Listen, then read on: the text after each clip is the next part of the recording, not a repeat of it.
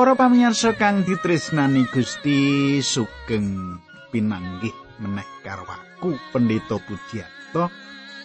Kaya padatan aku bakal bebarengan karo panjenengan ana ing sajroning adicara kang wis panjenengan anti-anti ya kuwi adicara margi utami. Adicara kang migunani kanggo panjenengan sing seneng. Angge kilut pangandikane Gusti sing seneng. Sinau pangandikane Gusti awis saka kuwi nek panjenengan saiki wis nganti anti sawetara wektu ayo panjenengan nyawisake kitab suci supaya panjenengan tak dherekake nyemak pangandikane Gusti kang nambahi kawruh kasukman kita. Sugeng midhangetake adicara iki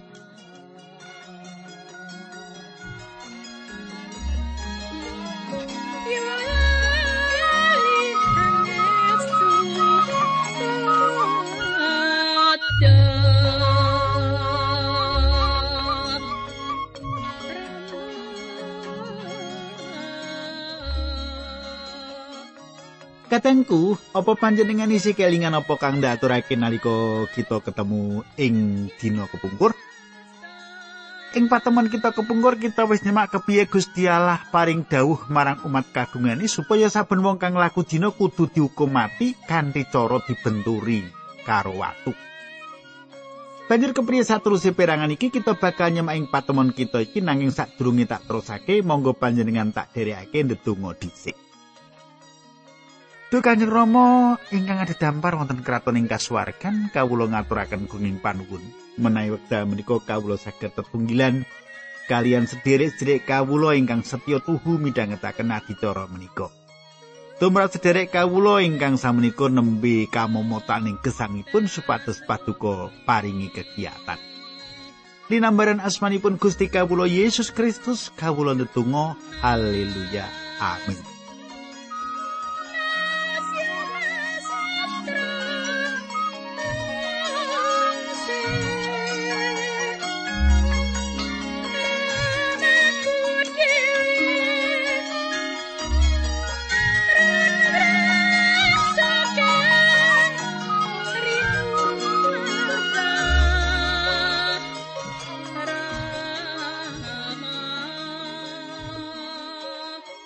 Katangku kang dak tresnani pasinaon kita ing patemon kita iki wis ngancik kitab pangandaring Torat bab telulikur. Pasinaon kita ing patemon kita iki wis ngancik kitab pangandaring Torat bab telulikur. Jagat awak daging lan si pengawak dursila yaiku mungsuh telu kang kudu diadepi dening wong pracaya ing sawektu-wektu. Coba panjenengan semak pangandaring Torat bab 13 ayat 1 wong lanang sing dikebiri utawa sing sakare diketok ora kena dikatutake dadi umate Allah.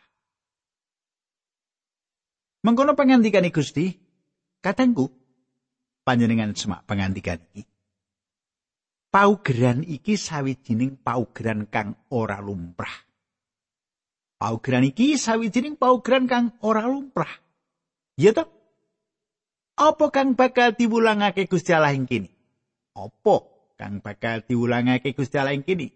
Aku percaya yen paugeran iki ana gegayutane karo babakan mertopo. Mertopo itu akestisme. Askestisme. Lan Gusti Allah ngipati-pati. Ing abad pertengahan manungsa ndeleng bobroke moral ing Eropa. Asia lan Afrika sisih kidul wong-wong mau nyingkiri babakan-babakan kang asipat kadonyan lan dadi wong kang mertopo. Ngedoi pesrawungan ngedoi kumpul karo wong wadon utawa as kestis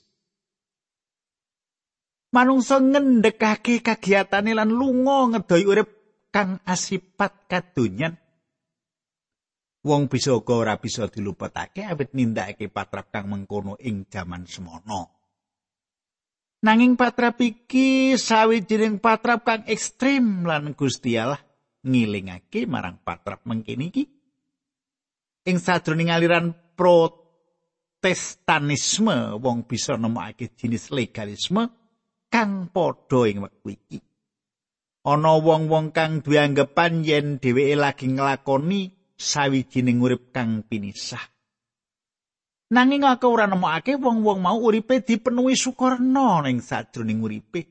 Aku nemokake malah sawetara wong-wong kang duwe patrap mengkono kuwi malah dadi wong kang bebayani. kang ngedoi mangan-mangan, ngedoi pasraungan, ndiwi topo broto. Kuwi malah dadi wong kang bebayani. Wong-wong mau laku jantrane katon suci lan kaget nalika ana sawijining perkara kang mambu sifat kadonyan disebutake ana ngarepe wong-wong mau. Gusti Allah ngilingake kita marang patrap asketisme iki. lan panjenengane ora nampa patrap kang kaya mengkene iki. Saiki tak teruske ayat loro. Coba panjenengan gatekake. Anak jadalan anak-anake tekan turunan ping 10 ora kena dielokake dadi umat Allah. Katengku Gusti Allah nggunakake basa kang cukup keras sing kene. Bocah kang karam ora bisa mlebu pasamuane Gusti. Apa to maknane kanggo kita ing jaman saiki? Panjenengan kudu dilairake meneh supaya panjenengan dadi putrane Allah. Akeh wong jaman saiki kang kondo aku iki anak raja. Nanging wong-wong mau dudu anak raja. Wong-wong mau anak karam. Awit apa? Awit dosane. wong bisa wae katon suci lan durung ngalami dilairake meneh. Wong kang kaya mengkono kuwi dudu wong kang dadi putrane Allah. Gusti Allah meratelake gamblang banget. Nikodemus iku wong Farisi, wong kang banget dening suci, dadi pemimpin agama Yahudi, wong kang tansah nganggo tali sembahyang. Nanging Wong iku wong kang karam lan Gusti Yesus ngendika marang dheweke yen Nikodemus kudu dilairake meneh. Gusti Allah ngendika yen anak karam ora bakal mlebu ing swarga, wong iku ora dikeparengake mlebu ing sajroning pasamuane Gusti. Gusti Allah ora kagungan putra-putra karam. Putra-putra kagungane kabeh sah awit putra-putra mau wis dilairake meneh. Kadangku apa panjenengan wis dilairake meneh? Apa panjenengan wanuh karo Sang Kristus minangka juru wilujeng panjenengan? Pitakonku marang panjenengan jenengan jawab krana batin panjenengan. Coba tak wacake Yohanes 1 ayat 12 nganti 13. Ewa semono uga ana wong-wong sing padha nampani lan pracaya. Wong-wong mau padha diparingi wewenang dadi putrane Allah. Anggone dadi para putrane Allah mau ora mergo dilairake dening manungsa, lair saka karepe wong lanang nanging saka kersane Allah. Kadangku apa panjenengan duwe tandha yen panjenengan iku putrane Allah kang sah? Ora peduli wis pira gereja panjenengan mlebu dadi wargane utawa kaya ngapa sucine urip panjenengan. Kejaba panjenengan iku putra raja panjenengan iku anak karam Pangandring Torat 13 ayat 3 lan 4 wong Amon lan wong Moab besar to anak turune tekan turunan ping 10 ora kena digatutake dadi umat Allah Sebab wong-wong mau ora gelem aweh mangan lan ngombe marang kowe nalika kowe nglembara sawetumu saka ing tanah Mesir. wong-wong mau malah nyewa Biliam saka kutha Petor ing tanah Mesopotamia supaya ngipati-pati kowe. Kadangku para arkeolog wis nemokake yen Bani Amon lan Moab kalebu bangsa kang manembah brahala kang paling ala. Arkeolog mau nemokake reca cilik kang gunggunge akeh banget kanggo ngibadah marang Baal.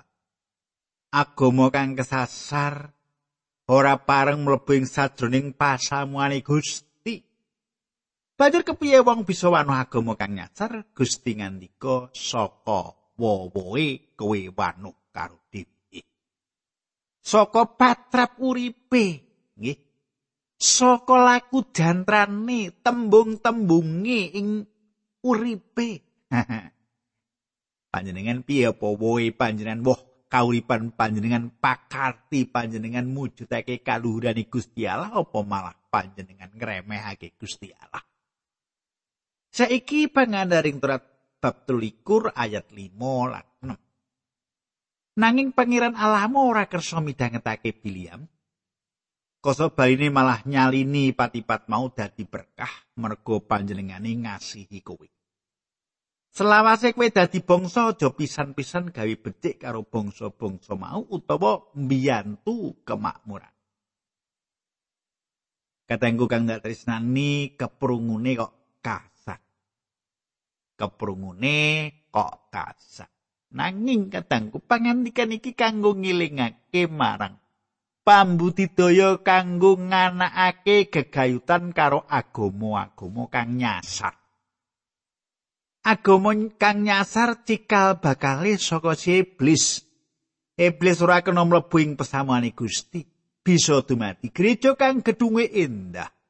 Nganggo menara kang dhuwur, duwe organ kang indah dadi markas gedhe si iblis. kita kudu ngati-ati marang agama nyasar iki. Agama nyasar ora duwe papan ana ing sajroning pasamuane Gusti. Ayat pitu pangandaring Torat bab 13 kowe aja ngremehake wong idom mergo kuwi sedulurmu. Semono uga aja nyepelekke marang wong Mesir mergo kowe wis tau mondok ana ing tanah ketengku kang gak tresnani kita nyemak menahing sadroning kitab purwaning dumati yen Edom iku Esa. Esa lan Yakub iku sedulur kembar. Amon lan Moab kudu dianggep nesta. Kenapa Edom ora klebu? Awit Edom iku sedulure. Kanggo wong pracaya, Esa makili sifat kang lawas yaiku kedagingan.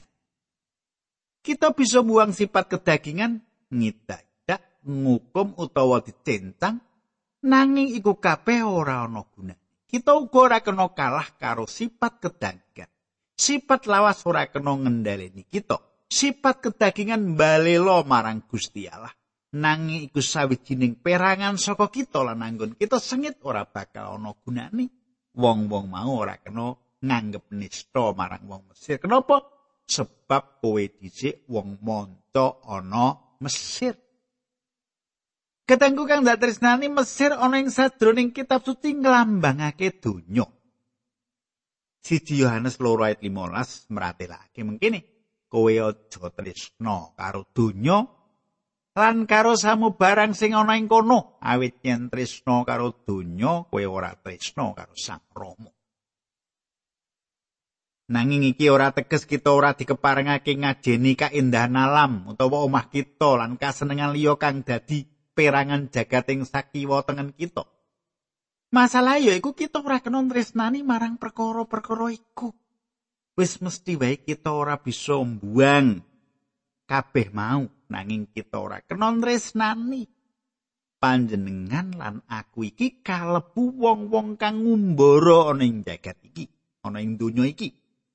Padha karo wong-wong Israel ora tau didhawuhi nandur kembang ing ora samun, mengkono uga kita ora kena gabung karo gerakan-gerakan kang budidaya nglentengake jagat. Kita kudu nggelarake pangandikane Allah yaiku pagawean kita. Saiki pengantaring Torat bab 13 ayat 13 nganti 13. Kowe kudu gawe papan kotoran ing sakjabane papan palerenan. Kowe kudu sangu pacul kanggo ngeduk panggonan sing arep kok nggo bebuang. Yen wis rampung nggonmu bebuang, panggonan mau kudu kok uruki meneh. Kadangku Gusti Allah kadudut manai babakan sanitasi. Babakan sanitasi. Sanitasi kuwi pambudidaya nguri-uri lan nyiptakake kanan kang apik ing babakan kesehatan mligine kesehatan masyarakat. Menyang endi wae wong Kristen lunga mesti ana dandanan ing sajroning kahanan sanitasi. kita akeh krungu bab polisi ing jaman saiki sapa kang ngregeti jagat raya iki wis mesti dudu Gusti Allah. Gusti Allah paring marang kita kali kang bening, hawa kang resik lan banyu kang resik lan seger, manungsa kang dosa kang ngregeti bumi saiki iki. Manungsa kang dosa kang ngregeti bumi saiki iki.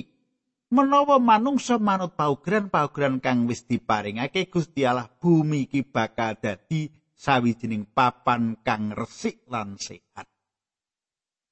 Bab 13 ayat 14. Udinen supaya papan palerenanmu tansah resik miturut pernataning agama merga pangeran Allahmu nunggil karo kowe ana ing papan palerenanmu paring pangayuman lan nelokake mungsuh-mungsuhmu aja nglakoni sing ora patut ing ngarsane Allah supaya kowe ora ditampik dening panjenengan. Kadangku Gusti Allah katarik marang karsian. Aku nggolongake karsian iku minangka perangan saka kasucen. Gusti Allah ngersake kita duwe raga kang resik, lingkungan kang resik, pikiran kang resik, tata laku kang resik. Kita dudu dadi umat kang suci ing donya saiki. Kita iki banget gampang tak takani toh. Saiki ayat pitulas nganti 18. Wong Israel lanang utawa wadon ora kena dadi pelacur ana ing papan pamujane brahala-brahala. Duit oleh-olehane dadi pelacur ora kena digawa menyang kemah suci kanggo ngluwari janji mergo Allah sengit karo para pelacur ing papan pamujane para braho. Kadangku, Gusti Allah ngendika ing sajroning ayat iku yen ora dikeparengake ing antarane umat kagungane kang dadi pelacur lan tukang sihir. Gusti Allah ngendika yen ana kahanan apa wae, panjenengane ora bakal kersa nampa pisungsung saka tindak kang ora kalal utawa saka patrap kang rusak morale utawa patrap kang luput Gusti Allah ora ngersake senadyan mung setitik saka patrap-patrap kang kaya mengkono kuwi. Saiki bab 13 ayat 19 nganti 20 kowe kena nganakake dhuwit sing kok utangake marang wong monco. Nanging ora kena njaluk anakan dhuwit sing kok utangake sedulurmu tunggal bangsa. Dawuh iki stokno temah pangeran Allahmu bakal berkahi sakai pegaweanmu ing tanah sing kok nggoni mau. Ing kene sepisan maneh Gusti Allah mentingake yen bangsa Israel kudu ngatekake seduluri.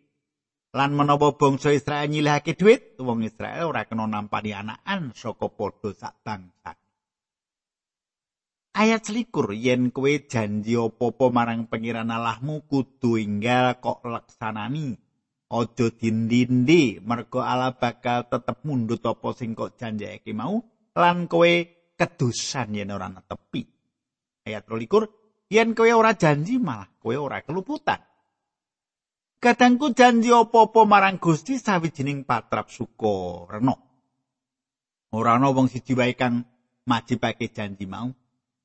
Nanging sepisan wong janji apa-apa marang Gusti janji mau nyancang sak wutuhe kaya kang dipratelake ing kene. Ayat 13 14. Nanging yen janjimu kanthi mana suka, janji kuwi wajib kok tetepi. Yen kowe mlaku ngliwati kebon anggure wong, kowe kena mangan woh anggur ing kono sakwarmu nanging ora kena madhayi ing kerajaan. Katangku kang dak tresnani, para murid Gusti Yesus nindakake prakara iki, Awit luwe para murid nyenggut ulen gandum lan dipangan nalika para murid nuju mlaku lewat kebon lan pancen patrap mengkene iki ora dilarang. Gusti Allah ngendika yen wong tani kang nawakake kabeciane. Nah, saiki kita ngancik ing kitab pengandaring Torat 24 pasal iki wiwit angger-anggere Musa kang meratelake bab pegatan. Saiki bab 24 pengandaring Torat ayat 1 nganti 4 mengkene surasa. Yen ana wong lanang kawin, mongko banjur ora seneng karo bojone mau, merga prating kae sing ngisi-isinake. Wong lanang mau kena menehi layang pegat marang somae lan akon wong wadon mau lunga saka omahe. Nanging menawa wong wadon mau kawin meneh karo wong liya, lan wong lanang sing kari besuke uga ora seneng karo wong wadon mau, sarta menehi layang pegat sarta akon wong wadon mau lunga saka ing omahe, mongko wong lanang sing kapindho mau mati. Wong lanang sing kapisan ora kena ngawini wong wadon mau meneh. Wong wadon kuwi kudu dianggep wong sing wis dirusui. saupama wong wadon memeksa dikawini penggawene kuwi ngremehake marang Allah kowe ora kena gawe dosa sing kaya mengkono ana ing tanah sing arep diparingake dening pangeran Allahmu marang kowe kadangku bisa uga panjenengan duwe pitakonan kenapa babagan ningkahan dilebokake manah ing sadroning angger-angger iki Iku awit Gusti Allah ora sarujuk karo wong lanang kang ganti bojo kaya kang dumunung ana ing kene. Iki katone kaya wujud pegatan kang gampang. Ya toh? Kenapa Gusti Allah ngidinake? Gusti Yesus tau disuwuni pirsa kegayutan karo pitakonan iku Matius 19 ayat 7 lan 9 mengkene surasane. Wong Farisi mau banjur padha matur menawi makaten menapa sebabipun dene Nabi Musa dawuh supados nyukani serat pegat. Semasa tiyang megat semahipun. Menapa menika mboten ateges Nabi Musa ngingingaken tiang sami pegatan? Gusti Yesus ngendika Nabi Musa nggone nglilani kowe megat rabimu kuwi marga kowe padha ora kena dikandhani. Nanging ing wiwitan mula ora kaya ngono kuwi. Ndak kandhani. Sing sapa megat rabine mongko bojone mau ora laku jina lan banjur rabi karo wong wadon liyane wong kuwi laku jina Kadangku siji sini landesan kanggo pegatan yaiku anggone ora setya marang janji ning kae. Kadangku Gusti Yesus ngendika yen Musa dijenake gawe paugeran iki awit mangkote atine bangsa Israel iki. Ana akeh perkara Gusti Allah ngidinake, Gusti Allah anggone ngidinake awit mangkote ngati kita. Perkara iki selumaku nganti tekan saiki kegayutan karo prakara-prakara pegatan iki. Prakara iki uga diterapake ing sadroning akeh keluarga kita lan diterapake ing sadroning urip pribadine wong akeh. Gusti Allah kagungan welas asih lan kagungan sih kadarman marang kita lan ngidinake prakara-prakara ing sadroning urip kita kang ora ana ing sadroning kersane langsung. Kanthi mangerteni perkara iki sawetara sedulur kang luwih dhuwur tataran kasukmane bakal gampang diluk supaya ora gampang nemokake kaluputane wong liya ing mangsa Ayat 5 yen ana wong lanang mentas omah-omah wong mau ora kena dikon melu perang utawa nglakoni kewajiban umum liyane wong mau kena ana ing omahe setahun gawe senenge atine bojone. Gusti Allah jangkung keluarga malah nalika perang. Gusti Allah ngajeni sutine janji nikah. Ayat 7 yen ana wong nyulik pepadane tunggal bangsa didadekke bature utawa didol kaya batur. Tukon wong mau kudu dihukum pati srana cara mengkono kowe mbrantas yala mau. Gusti Allah ngipati-pati katangku wong andadekke batur tukon pepadan ora ana kang pantes ditakokake saya kita terus ke ayat 30 nganti 21 pengandring Torat bab 4 Witmu saitun lan kebon anggurmu mung kena kok unduh sepisan. Aja kok baleni nglumpukake sing isih kari sing kari kuwi bagiane wong monco bocah lolo lan para rondo aja pisan-pisan kowe lali yen biyen kowe tau dadi batur tukon ana ing Mesir mulane kowe ndak paringi pernatan. Kadangku Gusti Allah ngreksa wong-wong kang ora bidaya, wong-wong kang kurang bejo. Gusti Allah kagungan program nanggulangi kemiskinan kang apik lan kang dudut ati lan iku kasil kita bakal nyemak perkara iki nalika kita tekaning kitab Rut. Katangku tak cukupi semene dhisik. Diteruske dina candake. Lan menawa panjenengan dina candake ora iso, panjenengan ketinggalan sak bab. Sadurunge ndedonga aku ngaturake salam marang Bapak Suparno. Bapak Suparno nyerat mengkini. Kulo dados ngertos kayektosanipun pangandikanipun Gusti lan kersanipun Gusti Allah ing gesang kula lan pangandikanipun Gusti ingkang panjenengan andharaken menika Pak Puji nglipur rati nalika kula gadah ruwet rentenging gesang menika lan ugi saged nyataken kula nalika perkawis-perkawis nekani gesang kula. Pak Parno, wah matur nuwun sanget. Matur nuwun kalian Gusti Allah nggih awit ingkang kula andharaken pangandikane Gusti. Nah katengku, ayo kita tumungkul kita ndedonga bebarengan. Kanjeng Rama ing swarga kawula ngaturaken kuing panuwun menawi wekdal menika kawula saged tetunggilan kalian sedherek kawula ingkang setya tuhu midhangetaken adicara menika lan kawula sampun ngandharaken pangandikan patuko patuko sedekaken lan dados no kegiatan sedherek kawula menika. Dinambaran asmanipun Gusti Yesus Kristus kawula ndedonga haleluya. Amin